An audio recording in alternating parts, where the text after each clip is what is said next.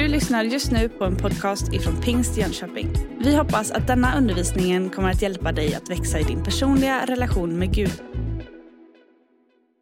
Just nu lever vi i en väldigt märklig tid.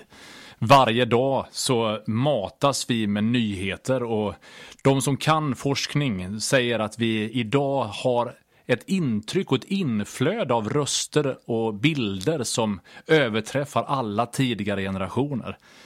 Faktum är att allt det vi ser, allt det som på något sätt får vår uppmärksamhet berör oss på lite olika sätt. Eh, minnesbilder kan eh, bli påminda under nattens drömmar. Ja, det finns många psykologer som skulle kunna måla ut det här långt mycket bättre än vad jag kan. Men min fråga är vad du egentligen ser. Och bibeltexten är oerhört uppmuntrande och jag skulle vilja ta dig med i den här andakten till Andra Kungaboken kapitel 6. Profeten Elisa hade verkligen med Gud att göra. Han hörde hur Gud talade och han förmedlade det han hörde till det land han var en del utav.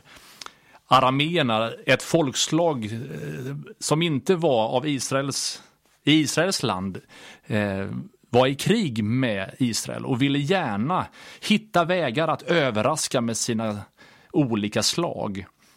Då uppenbarade Gud för Elisa vad arameerna var på väg att göra och så varnade han Israels kung för att inte liksom gå i den fällan. Det slutade med att arameernas kung blev galen och ville döda Elisa och bestämde sig för att överraskande slå ett läger runt omkring Elisas läger. Och det är där bibeltexten tar oss med. För då står det i Andra Kungaboken kapitel 6, vers 15. När gudsmannens tjänare tidigt på morgonen steg upp och gick ut, se, då hade en här med hästar och vagnar omringat staden. Tjänaren sa till gudsmannen, Å min herre, vad ska vi ta oss till? En fullt rimlig slutsats för någon som kommer ut på morgonen och ser att man är omringad av fienden som vill ta deras liv. Självklart är det någon slags frustration och osäkerhet. Och det är ganska mycket av det som vi nog lite till mans kan känna oss igen. När vi möter nyhetsrapporteringen, när vi ser utvecklingen så märker vi en, att en rädsla slår sig in i bröstet och man känner vad ska vi ta oss till? Hur ska vi ta oss ur det här? Då svarar Elisa sin tjänare, var inte rädd. De som är med oss är fler än de som är med dem. Och Elisa bad, Herre öppna hans ögon så att han ser.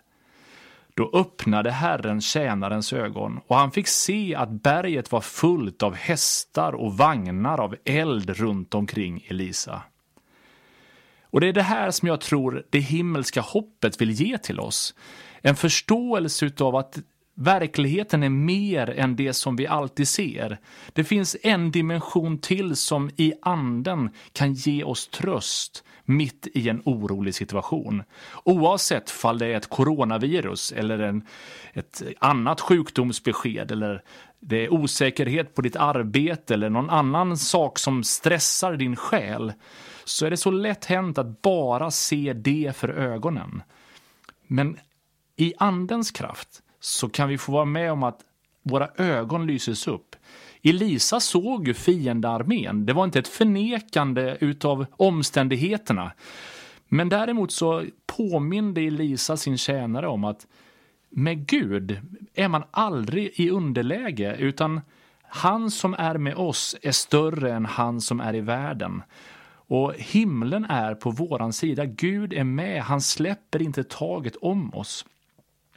Och så älskar jag uttrycket att Herren öppnade tjänarens ögon. Och jag ber för min egen skull, jag ber för dig som lyssnar på den här andaktens skull, att Gud skulle få göra samma verk i din och min själ.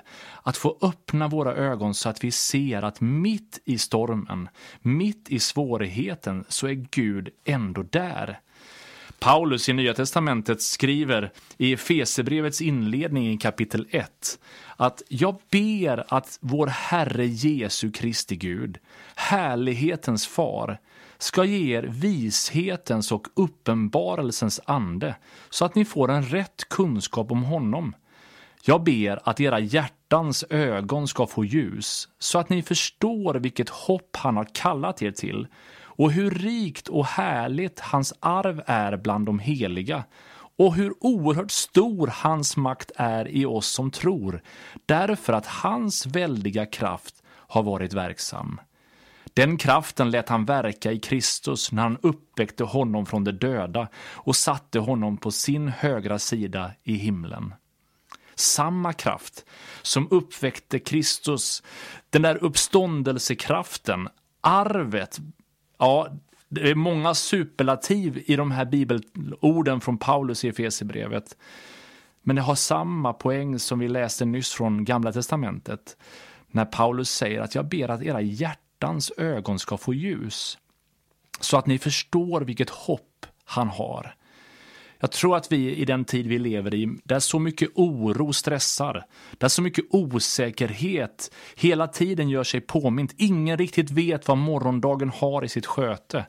Då är det otroligt skönt att få fly till Guds ordet, hämta kraft, hämta styrka och vägledning och upp, få klart för sig att du har fått tag på någonting med Gud.